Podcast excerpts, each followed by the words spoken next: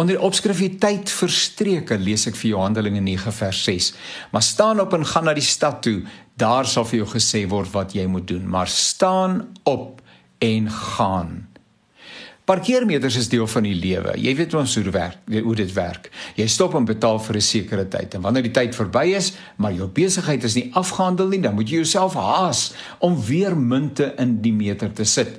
Daar's nie altyd eers grasie tyd nie. As die tyd verby is, moet jy jou ry kry of die verkeersbeampte smeekend in die oë kyk dat hy of sy jou asseblief tog net nie moet beboet nie. As jy die geleentheid mis om by die parkeermeter uit te kom wanneer die tyd verstreke is, nou ja, dan sien jy sommer van ver af die stukkie papier onder jou ruitveer wapper en kan dit jou omkrap. Die metafoor van die parkeermeters laat my dink aan die lewe en die lewenskrisisse wat ons ervaar. En dat 'n mens tyd nodig het om trauma te verwerk is inderdaad so. Jy staan iewers geparkeer en jy spandeer die tyd om tot verhaal te kom. Somstyds is 30 minute spreekwoordelik nie genoeg nie.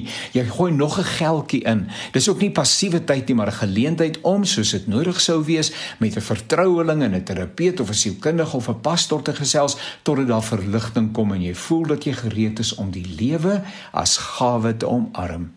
Die eerste tree terug na die lewe mag strompelend en bewerig wees, maar jy het tog aan die beweeg gekom en jy sal beleef hoe dit jou bene sterker word en jou moed vir die uitdagings van die lewe weer begin terugvloei.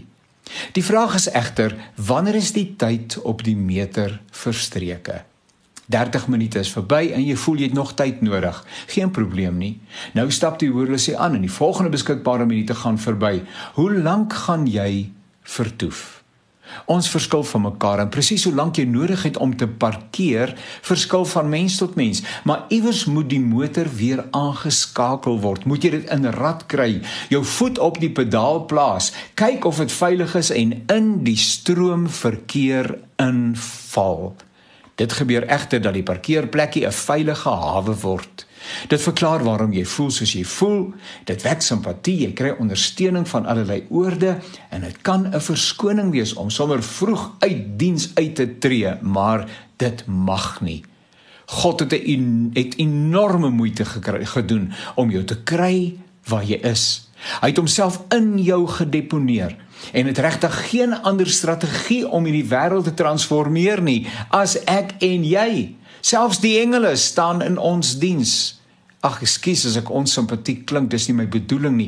Ek het waarskynlik meer gehuil in my lewe as baie baie ander mense, maar my redding was die rooi vlaggie op die parkeermeter wat dringend en neutraal verklaar het: Tyd is verstreke. Dis tyd om in te val.